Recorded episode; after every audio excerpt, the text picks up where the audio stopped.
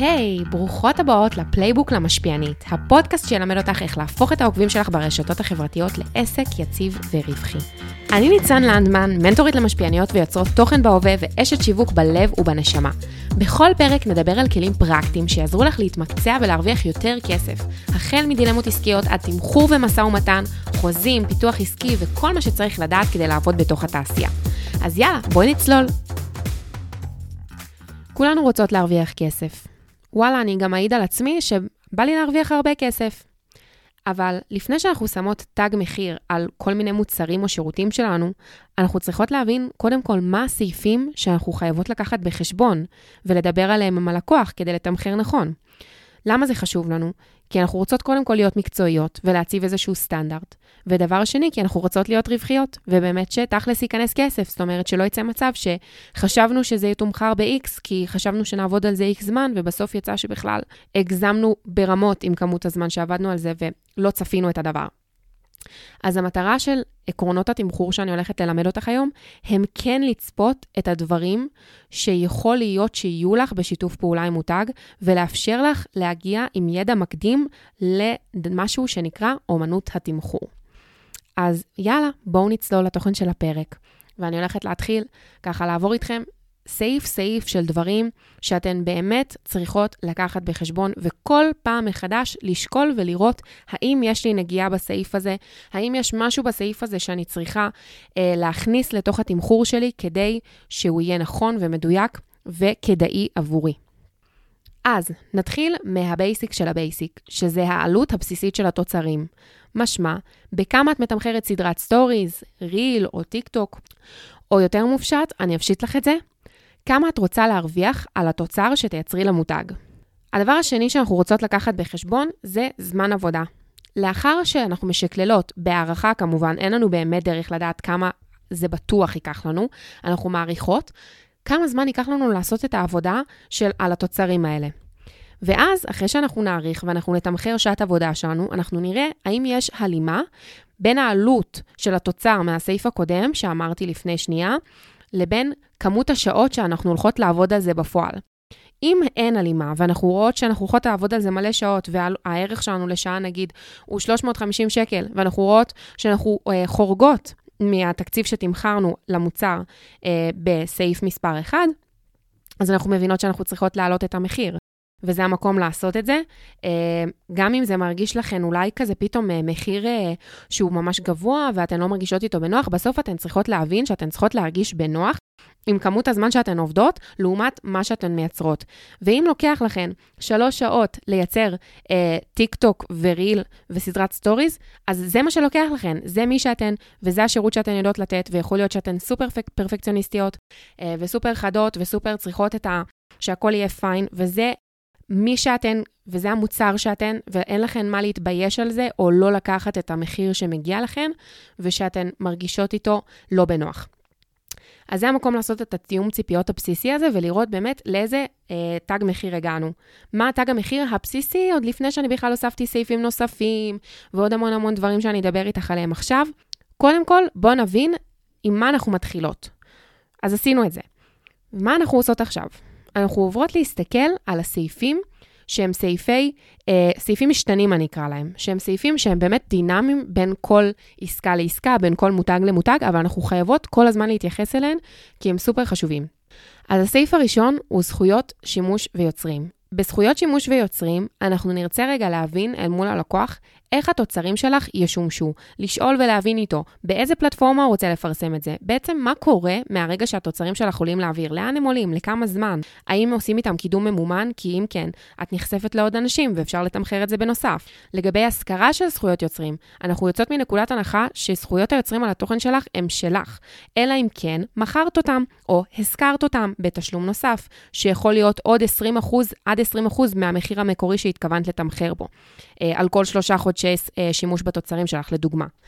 כל הדבר הזה חייב להתייחס אליו ולהבין שהוא בסוף צריך גם להיות מתומחר ומגולם בתוך הצעת המחיר שלך. עכשיו, אני אגיד רגע מילה על זכויות יוצרים ושימוש, שזה קצת נראה לנו טריוויאלי שברגע שהלקוח אה, קונה איתנו קמפיין או משלם לנו על קמפיין, אז הוא קונה גם את התוצרים, למרות שזה ממש לא נכון, ואני אסביר גם למה. זכויות יוצרים זה אומר שברגע שאת מוכרת לו את התוכן, התוכן שלו בבעלותו, עם הפנים שלך, עם ההמלצה שלך על המוצר שלו, לנצח. למה זה בעייתי? אני לא אומרת לא למכור, אני אומרת לעשות את זה בחשיבה ובחשיבה אסטרטגית ולהבין שנייה את ההשלכות של הדבר הזה, כי בסוף זו איזושהי החלטה שיכולה להשפיע עלייך לטווח הארוך. עכשיו אני אסביר למה. אחד, כשאת מוכרת את זכויות היוצרים על התוכן שלך, זה אומר שעכשיו אם העסק ממשיך לפרסם, או המותג ממשיך לפרסם עם התוכן שלך, זה יכול למנוע ממך לעבוד עם מתחרים. סבבה? כי מתחרים יראו שאת עדיין מזוהה עם מותג שעבדת איתו בעבר על איזשהו קמפיין, והוא ממשיך להשתמש בתוכן הזה כי הוא קנה אותו. דבר שני, את לא יודעת כמה תגדלי במשך השנים. זאת אומרת שיכול להיות שעכשיו יש לך 50 אלף עוקבים, ואת הערכת את השת"פ על פי 50 אלף עוקבים ועל פי אה, כמה שחשבת שאת שווה באותו הזמן. ויכול להיות שעוד שנתיים מהיום יהיו לך 200 אלף עוקבים. את לא שווה את אותו סכום, את מסכימה איתי. ולכן, לתמחר ולמכור את זכויות היוצרים שלך, אומר שאת צריכה גם לקחת בחשבון שהם מקבלים את הפנים שלך ואת האוטוריטה שאת, ואת זה שהקהל שלך סומך עלייך, ובכלל, את, את, את הפנים שלך, כאילו ממש את ההמלצה שלך, אה, לכל החיים. אז זה צריך להיות מתומחר. הדבר האחרון הוא שאת לא בהכרח יודעת באיזה הקשר ופלטפורמה התוכן יוצג במידה וזה בבעלותם. כי עוד פעם, הם יכולים לעשות מה שהם רוצים, ויש מצב שעוד איזה כמה שנים לא באמת תזדהה עם האג'נדה של המותג, יכול להיות שהם יחליפו כיוון, אה, יהיה איזה משהו שאת פחות מתחברת אליו, איזה אמירה, איזה אג'נדה, טבעונות, לא יודעת, תחשבי כאילו מה באמת יכול להפריע לך. ואת צריכה לקחת בחשבון שאת עדיין מפרסמת את המותג, כי הם קנו את הזכויות על התוכן הזה, ויכול להיות שאת לא תתחברי לאג'נדה. אני אסכם ואני אומר שאני לא אומרת לא למכור זכויות יוצרים, אני אישית אמליץ ואעדיף שתזכירו על פי אה, למשך שנה, למשך כמה חודשים, זאת אומרת, משהו שכן יש לכם ממנו אופציה לצאת במידה ומשהו משתבש, במידה ואתן רואות שככה פתאום המותג הלך לכיוונים שממש לא מתאים לכם להזדהות איתם ולהשתייך אליהם, אבל אפשר לעשות את זה, פשוט צריך הכל שווה כסף, זה מה שפשוט חשוב לי שתדעי. שאם את כן בוחרת למכור, אין בעיה, פשוט תתמחרי את זה בהתאם ותיקחי את זה בחשבון, כי עד עכשיו, באמת, אני רואה הרבה יוצרות תוכן ומשפיעניות שחושבות שזה מובן מאליו שהן מוכרות את הזכויות שלהן, וזה לא עובד ככה. אז זהו, זה מהבחינה הזאת. נעבור לסעיף הבא.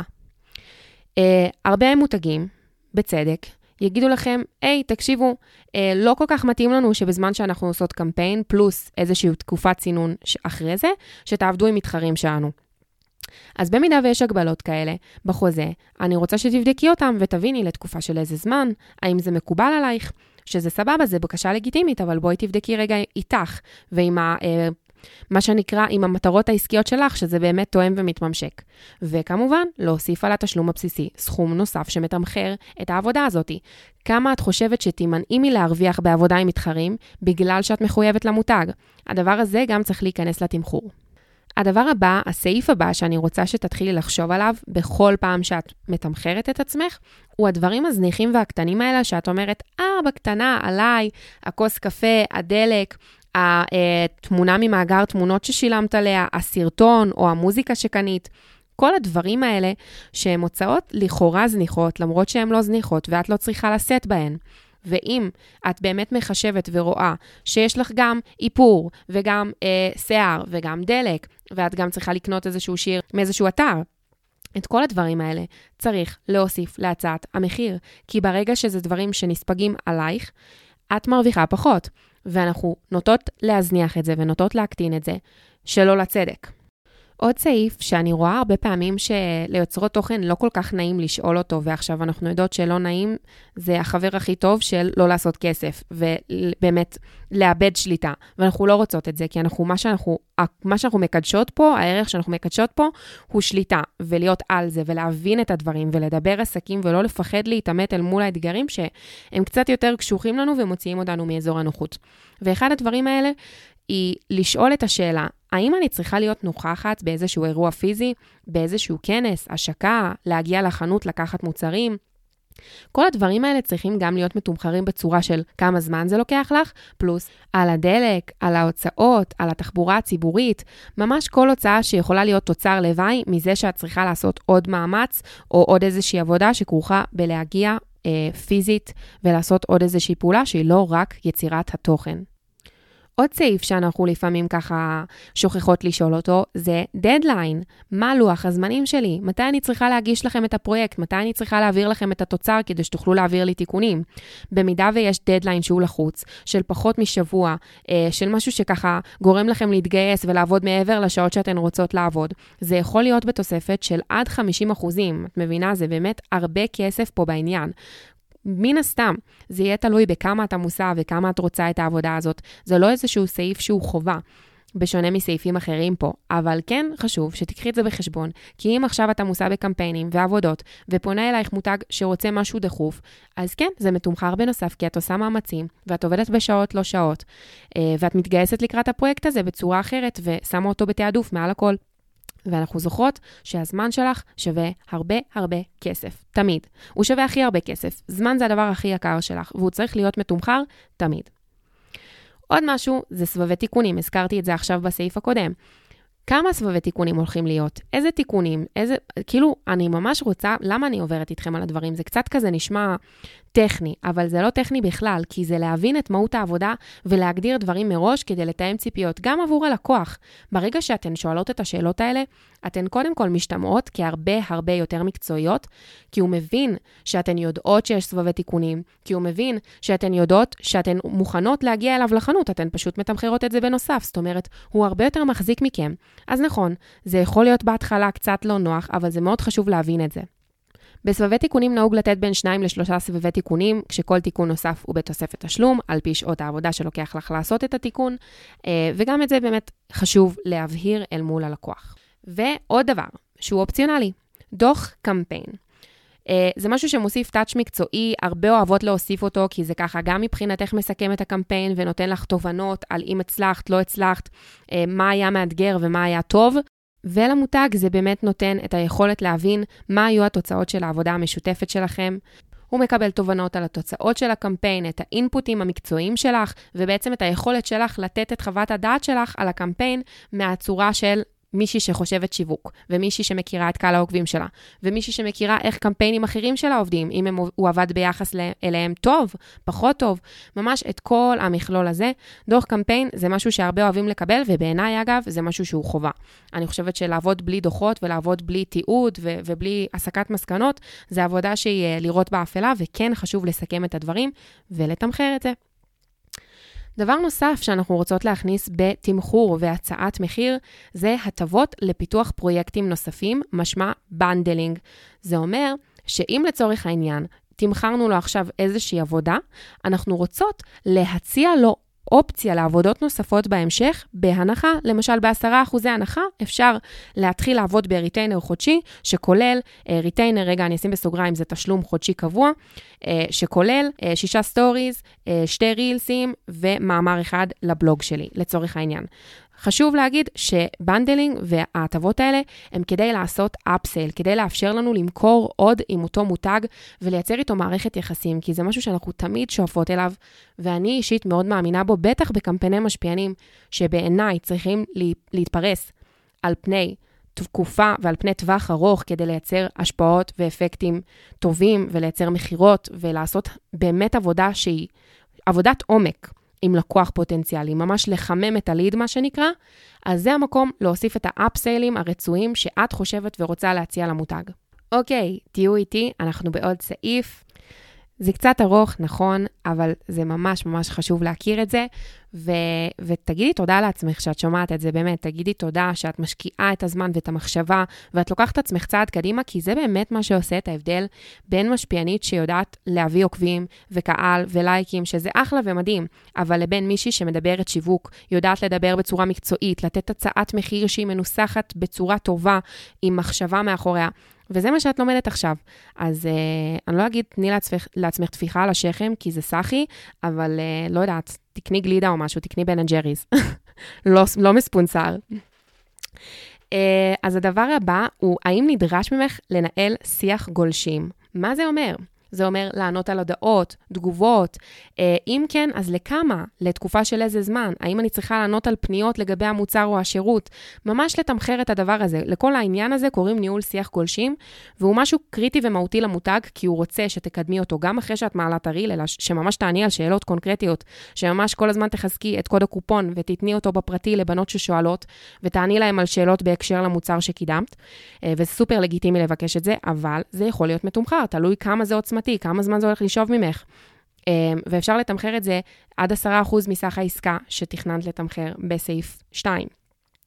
אז uh, זה משהו שגם תיקחי בחשבון. אנחנו לא עובדות בחינם ואנחנו לא פילנטרופיות, אז חשוב לזכור.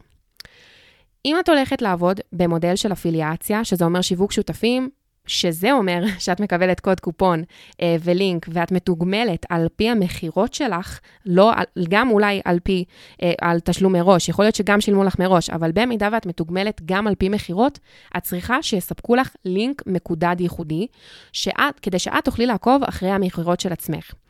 בנוסף, חשוב להבין אל מול בעל העסק, מה קורה במצב של ביטול עסקה. האם זה משפיע על הרווחים שלך? בטווח של כמה זמן? עד כמה זמן מישהו מבטל עסקה וזה משפיע על זה שאת לא תרוויחי כסף אה, על פי זה שמכרת לו וגרמת לו לקנות דרך קוד הקופון שלך? כל השאלות האלה צריכות להישאל, גם אם זה פחות נעים לי. ודבר אחרון, במידה והשת"פ הוא על מוצר הכולל לינה, בית מלון, חופשה, דברים שהם יותר אמורפיים והם לא הנה, קחי מוצר, תפרסמי. אלא, בואי לחופשה, בואי לחוויה, ואז לא כל כך ברור לך מה את מקדמת. או יותר כזה, יש גבולות אפורים, וגם כזה, את מקבלת איזושהי מתנה חינמית, איזושהי מתנה חינמית שהיא באמת גדולה. אה, ובהתחלה זה יכול כזה לסנוור, אבל לא, גם פה אנחנו רוצות לשאול את המותג. מה בדיוק אני מקדמת? לוודא שאת לא משלמת על שום דבר, שהוא גם משלם לך בנוסף על הדלק ועל הזמן שאת שוהה שם. זאת אומרת, צריך להבין שגם אם את נהנית לעשות את העבודה שלך, והעבודה שלך עכשיו היא ללכת לבית מלון ולעשות עליו מלא רילסים, ואין דבר שאת יותר נהנית ממנו מזה, זה לא אומר שלא משלמים לך על הזמן שלך או על הדלק שלך, חס וחלילה, שהיית צריכה להגיע למקום ולשלם על דלק. אה, כל הדברים האלה צריכים להיכנס לתוך התמחור. אז סיימנו עם הסעיפים, ואני אעבור לעוד כמה דברים אה, בנוספים כאלה שחשוב לי שתיקחי בחשבון, ואז אני אסכם. אז בסוף השקלול של הכל, כולל כל המשתנים, את צריכה לשאול את עצמך את השאלה הכי הכי הכי חשובה בעולם. יותר מכל סעיף שאמרתי, תשכחי הכל, תזרקי לפח, עכשיו זה המאני טיים. תרתי משמע. האם הצעת המחיר שאני הולכת לשלוח כרגע מרגישה לי כמו נקודת התחלה טובה, שימי לב, למשא ומתן. לא כמו המחיר שאני רוצה להרוויח, אלא כמו נקודת התחלה למשא ומתן. למה? כי אנחנו חיות בתוך עולם, כרגע התעשייה בנויה על פי זה שאת נותנת מחיר ומורידים אותך קצת למטה. וזה זה, זה משא ומתן בעצם, זאת האומנות. ולכן אני רוצה שתדעי שהולכים להוריד אותך במחיר. ולכן כשאת נותנת את המחיר ונוקבת בו בתוך הצעת המחיר, הוא צריך להיות המחיר פלוס איזשהו משהו שאת יכולה להתגמש כדי לרדת עם המותג ולהגיע איתו לעמק שווה ולתת לו את ההרגשה של, היי, באתי לקראתך כי נתתי מחיר X וירדתי ל-X פחות 10%, אה, כי אני לארג'ית. ואולי זה יישמע לכם כזה, אוי, נו, באמת, מה זה המניפולציות הזולות האלה? אבל ככה זה עובד. אז או שאנחנו, um, שכחתי את המשפט של איך זה הולך, כאילו, If you can't beat them, join them. נזכרתי. אז זה מה שאנחנו עושות, we're joining them. אה, ותזכרי, שאם שמעת כן מיידי מהמותג, אם הוא ישר אמר לך, אה, מגניב, סבבה, יאללה, בוא נלך על זה, זה אומר שהיית יכולה לבקש יותר כסף. עם כמה שזה כזה כואב, ובסוף, לי, האינטרס שלי הוא שתרוויחי יותר. האינטרס שלי הוא לעזור לך לגדול בצורה יותר משמעותית. וחשוב שתדעי שאם שמעת כן מיידי, זה לא, זה לא מעיד טובות. אני רוצה שיהיה משא ומתן, אני מכבדת ורוצה, ש... וזה חלק מהתהליך השגרתי שקורה בדרך לסגירת עסקה. אה, אז תחשבי על זה ותתחילי להיכנס ל-state of mind. מה עוד חשוב? במידה ומתווכים כמו משרדי פרסום או סוכנויות משפיענים פונות אלייך, שזה כאילו יותר מאיים לכאורה לפעמים, כי כזה, הם נורא יודעים, הם נורא יודעים להתמקח, הם נורא מבינים חוזים ותמחורים, והם כזה סופר על זה, וסופר גם יודעים להכניס אותך לפינות שגורמות לך להרגיש כזה, אוקיי, בסדר, אני אחתום, הכל טוב, אני אחתום על החוזה, כאילו, אני לא אקרא אותו אפילו. לא, את תעצרי, ואת תתמקחי על הסעיפים שחשובים לך, ואת תשאלי את השאלות לגבי החוזה שהם שולחים לך שאת לא מבינה. אם יש סעיף שאת לא ברור לך, את שולחת מייל או שאת מתקשרת.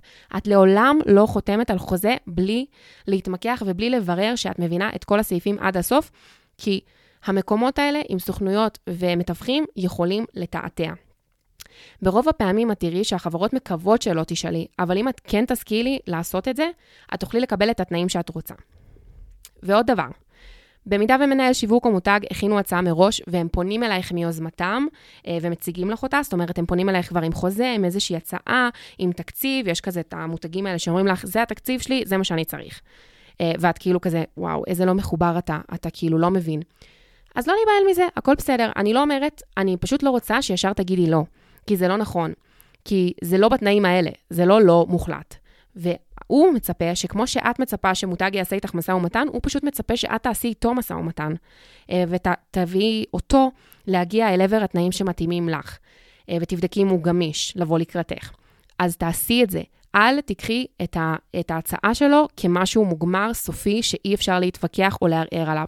תעשי את הערעור הזה, תנסי להציע משהו אחר ותנסו להגיע לעמק שווה, כי גם איתו את עושה משא ומתן.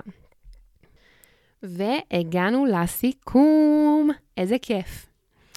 אז יש משפט שאני תמיד אוהבת להגיד אותו, והוא שתמחור היא עבודת קריאייטיב ולא עבודה טכנית. פשוטו כמשמעו, ליטרלי.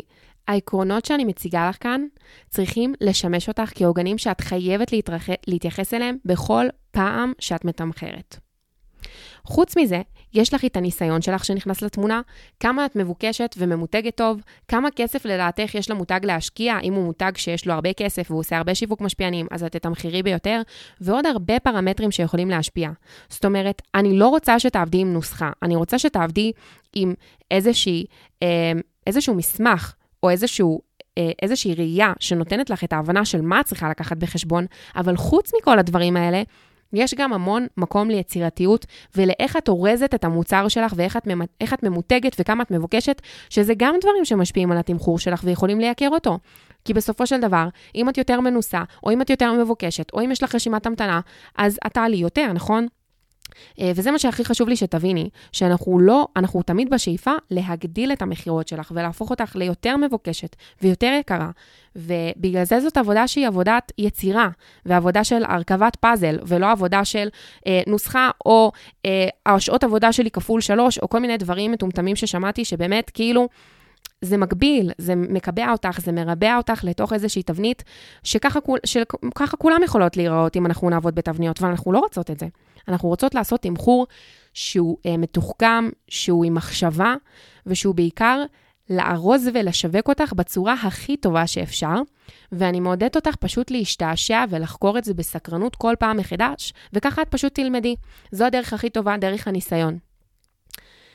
אז, אני ממש ממש מקווה שאני הצלחתי לחדש לך. זה יעשה לי הכי טוב בעולם לשמוע. תכתבו לי, באמת, אם הצלחתי לחדש לכם, אם יש לכם שאלות על כל מיני נושאים או על סעיפים מסוימים שלא ברורים לכם. כי מה שבתכלס אני רוצה ורציתי לעשות זה קצת סדר בנושא הזה, שהרבה פעמים אנחנו רואות בו משהו כל כך מאיים, שכל כך מפעיל אותנו אה, ומתרגר אותנו למקומות שאנחנו פחות אוהבות להיות בהם. וכבעלות עסקים, מה לעשות, אנחנו חייבות. אז אני רוצה שתתחילי להרגיש יותר טובה בזה, ולהרגיש יותר בנוח במקום הזה, ולהעז, כי זאת הדרך הכי טובה ללמוד את זה ולהשתפשף בזה.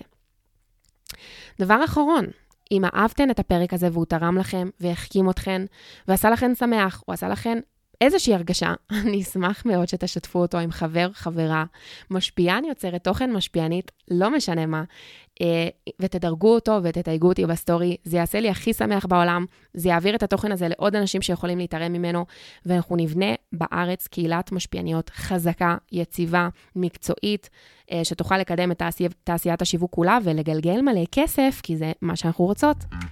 אני הייתי ניצן לנדמן, ותודה שהאזנתם לי. אנחנו ניפגש בפרקים הבאים.